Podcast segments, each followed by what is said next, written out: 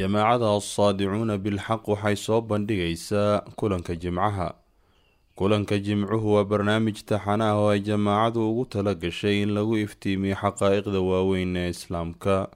Kulanka jimcaha xilliga labaad kulankii sideed iyo tobnaad. Bismi illaahi araxmaan araxiim alxamdu lilaahi rabbi alcaalamiin walcaaqibatu lilmuttaqiina walaa cudwaana ilaa cala aldaalimiin الظالمين صلى اللهم على محمد وعلى آله وصحبه وسلم أجمعين أما بعد السلام عليكم ورحمة الله وبركاته kusoo dhowaada daawadayaal waa mar kale iyo barnaamijkeenii kulanka jimcada oo aan kaga hadlaynay inaan si cad u muujino xaaladda dhabta ah ee ay ku sugan yihiin bulshooyinka u nisbo sheegta ama sheegta inay muslimiin yihiin waxaan ka soo hadlaynay arrimihii sababay ummaddii ummadaha ugu khayrka badnayd ee hoggaanka caalamka ahayd. Ilaahayna uga markhaati kacay inay ummadaha ugu khayr badan yihiin inay halkaa ka soo daadegaan oo ay noqdaan safka halka ugu dambeysa waaba hadday safka ku jiraan. Inay ku noolaadaan dulli iyo taagdaro iyo hoog inay ku noolaadaan wixii sababay waxaan soo tilmaannay arrimo gudaheeda ka dhacay oo keenay inay weecashadaas kharaarka badan dhibka badanna u sababtay ay weecdaan haddaba caawa waxaan rabnaa xalaqadan iyo kuwa ka dambeeyaba inaan wax kaga tilmaanoon si fiican u ifinno. Duulaanadii kharaaraa ee ummaddan dibadda uga yimid ee sababay inay ka bedelmaan ummad islaamkeedii ku dhaqanta ilaaheedna u hoggaansan oo ay isu rogaan ummad jaahiliyiin ah oo ilaahay diintiisii ka fogaaday. Waxaan tusaale ka bixin doonnaa amaan tilmaami doonnaa yaa ka dambeeyey dagaaladaas foosha xun. Maxay ta ahayd waxa ku bixinhaya dagaaladaa yaase maantay dan ku qaba inay ummaddani sidaa ku sii sugnaato dulliga iyo jahliga oo ay diinteedii ka fogaato maxayse tahay ahdaaftoodu xalaqada caawa waxaa igala qeybgalaya doctor cabdiraxmaan daahir aweys doctor cabdullaahi sheekh doon cabdi ustaadi sheekh maxamed cali mire iyo doctor cismaan cabdulla roble soo dhowaada dhammaantiin. Waxaa noo bilaabhaya xalaqada doctor cabdullaahi ku dhowaa doctor. Bismi illaahi raxmaan iraxiim sida walaal cabdullaahi ku bilaabay xalaqaadkii hore waxay ka hadleen dhibkaanu meesha uu ka yimid markii loo fiirso ummadda dhexdeeda caawana waxaa noo bilaabanaya dhibka debedda qeybta uu ku leeyahay dadka debedda uga soo duulay islaamkan waxaan bilaabaynaa in sha allahu tacaala mowduuc la yidhaahdo alghaswu اlfikri islaamka laga bilaabo waqtigii nebi moxamed lasoo saaray calayhi الsalaatu wassalaam ilaa yowmina hada ilaa aakhiri zamaan dagaalka lagu hayo waa socon doonaa ilaahay baana noo sheegay subxaana wa tacaala mid aan annaga hadda maaragtay jeebka iyaga ka keensanayna ma aha oo ilaahay wuxuu yidhi walaa yazaaluuna yuqaatiluunakum xataa yaruduukum can diinikum in istaطaacuu ilaahay sidaas buu sheegay subxaana wa tacaala. Macnaha inaysan ka zuulaynin gaalada in ay inla dagaalamayaan ilaa diinta ay inka celiyaan oo diinta ka tagtaan marka hadafka duulaanka kii hore iyo midkii dhexe iyo midka hadda socdo iyo midka imaan doonaba waxaa weeye waa in diinta ummaddan laga celiyo. Diinta in laka ridowdo oo ay ka noqoto siday ayaguba uga ridoobeen waa sidaa weeye hadafkaas. Arrintaa marka iyada ah ayaa heerar soo martay heerkii hore ama waktigii hore oo laga bilaabo waktigii diintaanu ay muxuu ahaa nebi maxamed ilaahay ku soo dejiyey waktigii saxaabada waktigii ka dambeeyey ilaa quruun fara badan. Waxay duulaanku ku socday duulaan caskari ah ama milatari ah oo hubaysan ayaa xoogga lahaa. Duulaamada kalena waa socdeen laakiin duulaanka xoogga lahaa oo la yaqaanay oo islaamka lagu soo duuli jiray duulaan hubaysan buu ahaa. Duulaankaas hubaysan bay wadeen. Ilaa wakti ay macnaha timaado ay ka qancaan inayna islaamka duulaanka hubaysan waxba uga qaadi karin. Sababto ay tahay dadkii xataa ducafada ahaa oo islaamkoodii xataa daciifka ku ahaa markii la yidhaahdo gaala inku soo duushay waxaa waaye hurdaday ka toosayaan qalabkooday qaadanayaan gaaladii waa laga adkaanaya waa la jebinaya. Meeshaas wixii ka dhashay waxay keeneen isbeddel oo macnaha ku dhacay fikirkii iyo habkii ay islaamka uga dagalamayeen oo ahay habka militariga oo ay tabaniyaan markaas kadib ay qaataan go'aan ah inaan mar dambe dadka muslimiinta ah aan militari ahaan looga adkaa karin.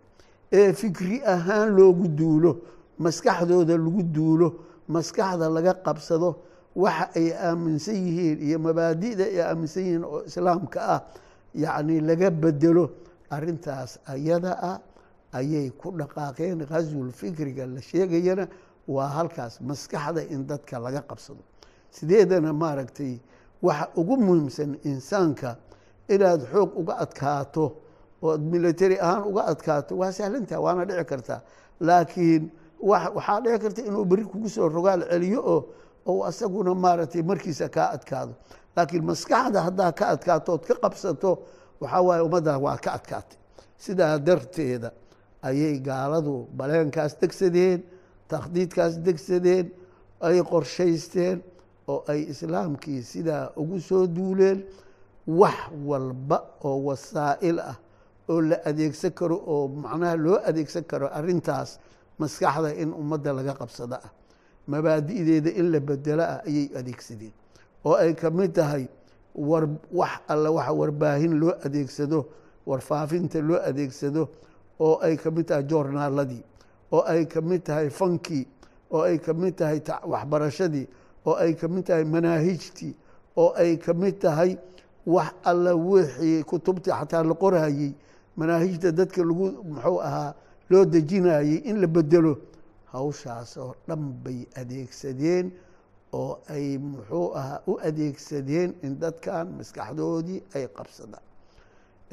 Intaa keliya ma ahna waxay kaloo adeegsadeen oo ka sii khatarsaneed dadkii muslimiinta ahaa inay dad ayaga ku saamooba kala soo dhex baxeen dadkaas inay tababarteen dadkaas inay afkaartooda fahamsiiyeen dadkaas oo magacii islaamka nala sheeganaya oo jinsiga nooca aan nahay ama ummadda aan ka nimid ka yimid ayay maaragtay oo magacii sheeganaya ayay tababar siiyeen oo wax walba ay u qabteen. Dadkaas waxay ka dhigeen ummadda islaamka dadka ugu horreeya ugu fiican ugu sareeya ugu ikhlaas badan ugu wanaagsan ummaddiina saasay u fahamsiiyeen.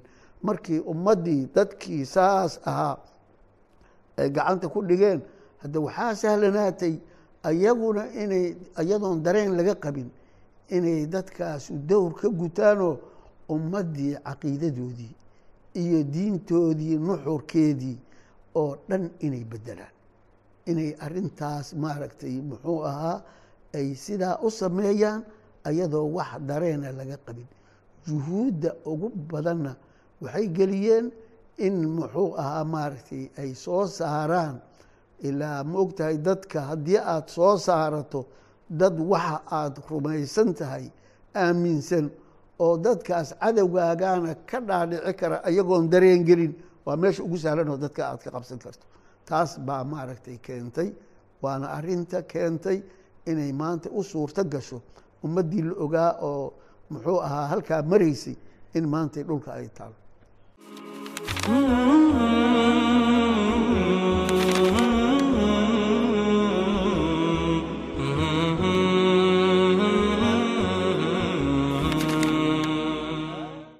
doctor cabdiraxmaan maxaa ku daray. Bismi illaahi raxmaan raxiim dadka doctoorku ka soo hadlay oo gaarsiiyey ummadda meesha maanta ay marayso iyagoo adeegsanaya duulaankii fikriga ahaa.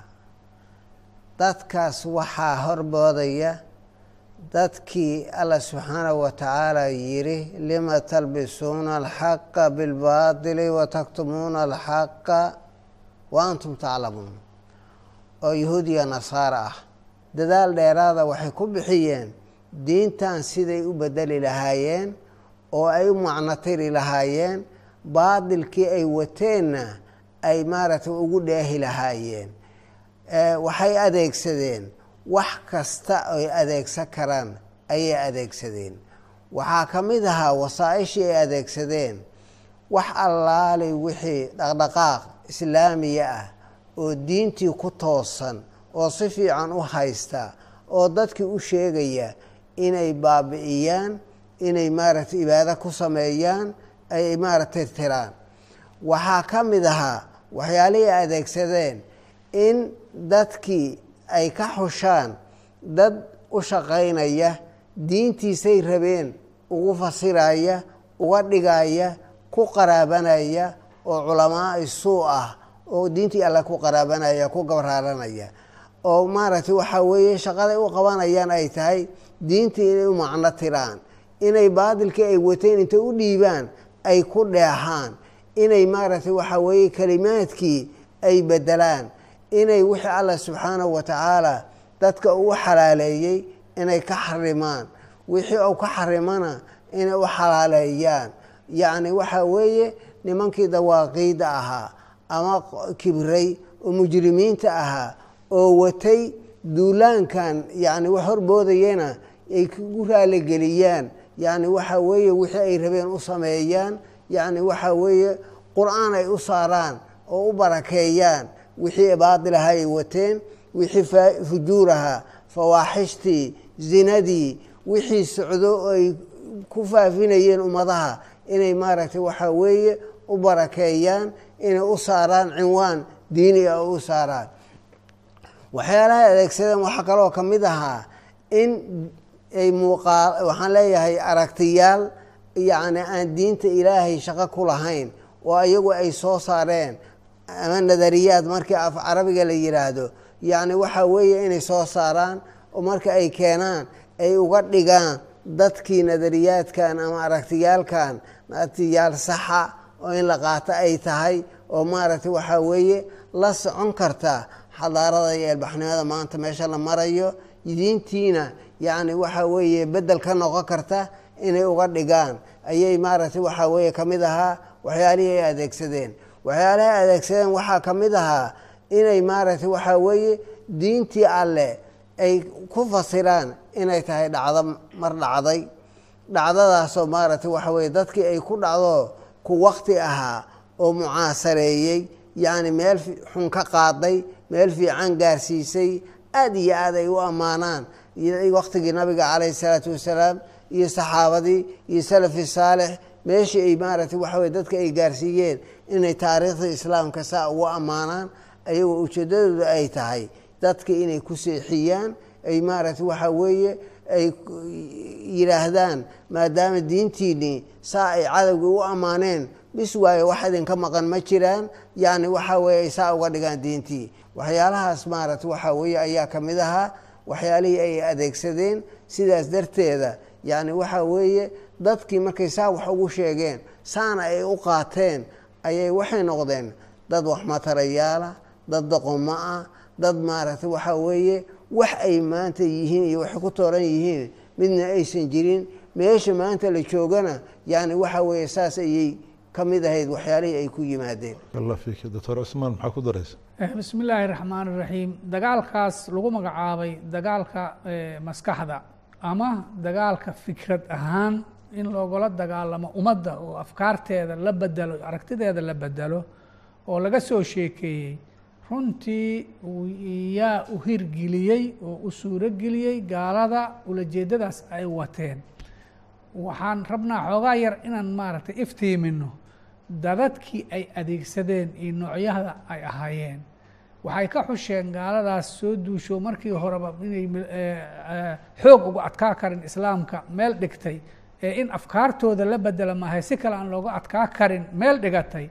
Waxay ka xusheen caalamkii islaamka dad ay ka dhaadhiciyeen afkaartoodaas sida horeba loo soo sheegay. Dadkaas oo heer ay gaarsiiyeen aqoon-yahano in wadanka loo qolo kastaba wadankeeda looga rumaysta aqoon-yahanada xaqa u leh ummadda inay hagaan. Ee maaragtay maxaan ku ihahdaa had waxaa la gaarsiiyey dadkaas ay diyaarsadeen inay barofesoro jaamacadihii ka noqdaan in ay doctooro noqdaan in ay noqdaan cilmi baarayaasha. Dadka maaragta waddanka cilmi baarayaasha u ah inay sidaas ilaa halkaas ay gaarsiiyaan si dadka aqoon-yahanada ah ee taladooda ay miisaan ugu yeelato ummaddii oo wixii ay soo jeediyaan aqoon-yahanadii dheelgaradkii ayaa saa yiray la yihahdo ummaddana ay rumaysanto. Mararka qaarkeed xataa waxay adeegsanayeen dadka wariyaasha waxay adeegsanayeen dadka fanaaniinta ah waxay adeegsanayeen dadka suugaanta iyo dadka maaragtay wacyigeliyo. Intaasoo dhan ayay adeegsadeen. Oo kulligoodna laga soo dhex xushay bulshadii caalam alislaami oo magacyo islaam wata. Oo islaamka haddee maadaama ay ku abtirsanayaan islaamkii la yidhi waa muslimiin. Haddana afkaartii si fiican loo soo cabsiiyey lagana dhigay mujtamaca dabaqada ugu sarreysa oo tusaaleyneysa oo in lagu daba safto ay tahay. Waxa ay qabanayeen marka waa maxay? Markii saa laga dhigo dadkaas loo dhiibay shaqadaas inay qabtaan waxa ugu muhiimsan oo duulaanka lagu qaaday waxaa ugu horeysa caqiidadii islaamka. In caqiidadii islaamka oo aheeday caqiida qofka muslimka hagaysay oo wax kasta uu samaynayaba diintiisa waxa maaragtay ay qabto bas ay aheeday waxa uu ku dhaqaaqa wuxuu ka tegaane wuxuu u diidaa saas ay aheeday in la taag daraysiiyo oo la yihahdo caqiidada waa fiican tahay islaamka adigu qalbigaada ku hayso. Laakiin inaad u noqoto mid aad ku jadbaysantood oo xamaasaysan tahay oo aad rabto in aragtida adiga aad qabto inaad dadka intii kaleba aad geliso oo aad dacwo fidiso oo aad maarad maxaan ku ihahdaa hala wada qaata aad tiraahdo oo dadka kale aad ku qabsato aad ku qasabto fikradda aad wado maaha dadka xur waaye qofka fikraddiisa iyo wuxuu aaminsihi u qaadan karaa adigu taadaha hayso laakiin inaad xamaasooto seflbood noqoto oo aad rabto ummaddii inteedii kale inaad soo geliso maya caqiidadii marka saasaaba loo taag daraysiyey wax wax un qalbiga ku ego waxay qaban karta aan la arag ayaa laga dhigay. Qodobka labaad oo duulaanka lagu qaatay lagu qaaday waa shareecada.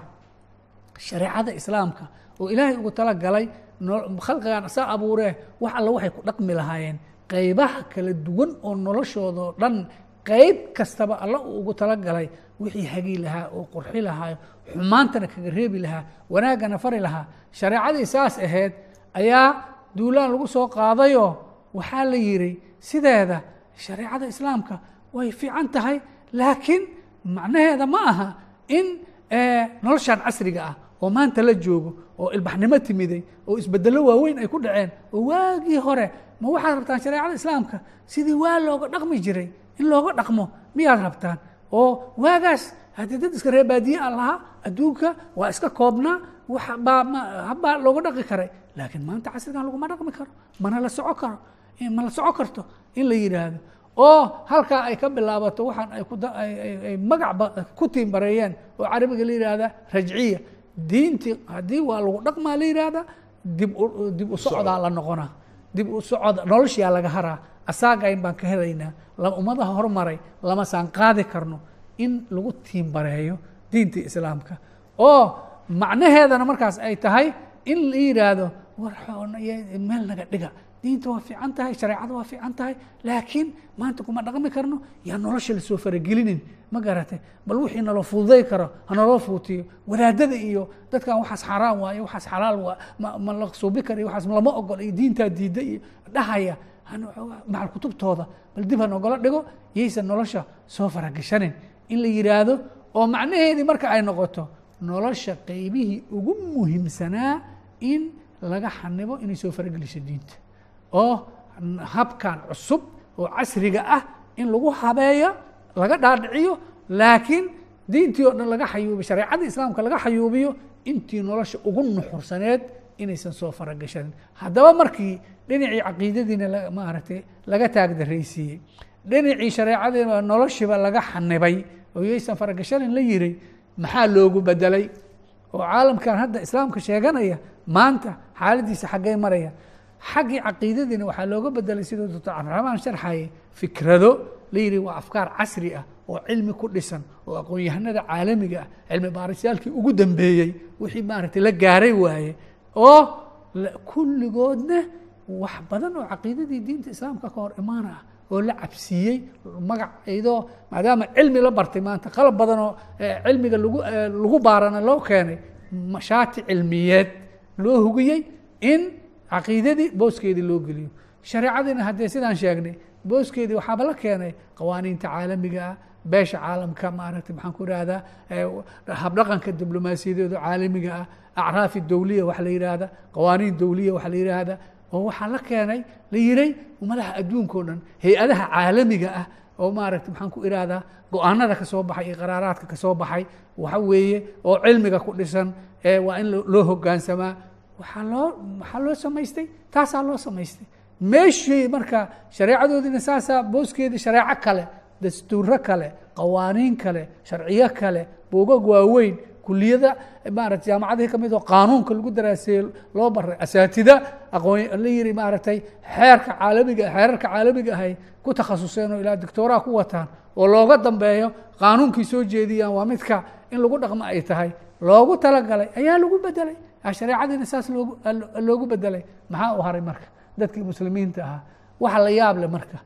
Dadka waxaa horboodaya oo samaynaya gaaladii cadcadka markay aheeday dadka muslimiinta xoogaa waxay ka qabi jireen war gaalka ama diintaada maaragtay wax u dhibaya uu ku keenaa. Laakiin markii wixii horbooda ay noqdeen dad magacyo islaam maxamed iyo cali iyo cabdi loo bixiyey maxaan ku ihaha kuna abtirsanaya islaamkii markay yihiin dadka waxaa sharxaya oo horboodaya oo dadka ka qancinaya si sahal ah ummaddii u qaadatay. Musiibada meesha inoogu timid waa halkaa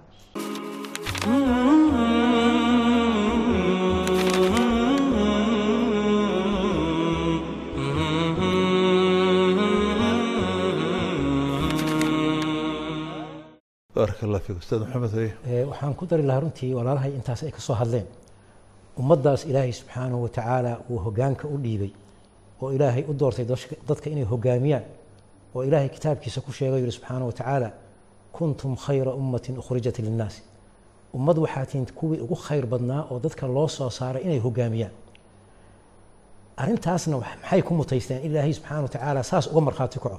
Waxay ku mutaysteen ilaahay kitaabkii uu soo dejiyey rasuulkii alla u soo diray wixii ula yimid bay ku dhaqmeen noloshooday ku maamuleen saasay ku mutaysteen dadka inay hoggaan u noqdaan oo dadka ku hoggaamiyaan dhaqan wanaagsan caqiido wanaagsan magarata dowlad maamul wanaagsan intaas oo dhan ayay waxay u horgeliyeen sidii ilaahay subxaana wa tacaala xaggiisa uga timid oo rasuulkeena salawaatu ullahi wasalaamu caleyh uu ugu yeeray saasaa ilaahay subxaana wa tacaala caliimka aha oo khabiirka aha uga markhaati kacay inay marka ummadda ku hogaamiyaan oo ummadda ku maamulaan intaas markay ummadda ku maamuli jireenna dadkii dadka ugu qiimo badnaa oo ugu fiicnaa oo ugu waxtarsanaa oo dadka cuquushoodii bay saxeen dhaqankoodii bay saxeen maamulkoodii bay saxeen dhinac walba oo ummaddii ay u yimaadaanba bay noloshoodii ka hagaajiyeen oo u toosiyeen oo ummaddiibaa waxay ku noolaatay nolol aada u wanaagsan oo aada u fiican. Sidaas siday u ahaayeen ayaa sidii walaalahayba ka soo hadleen waxaa looga soo duulay xaggii maskaxdii markaasay dadkii marka maskaxdaas kaga soo duulay oo cadowgooda u ahaa ayay waxay ula yimaadeen oo u keeneen. Sida doctor cusmaan ba ka soo hadlay dhinac walba ma garatay ayagii bay ka qaateen.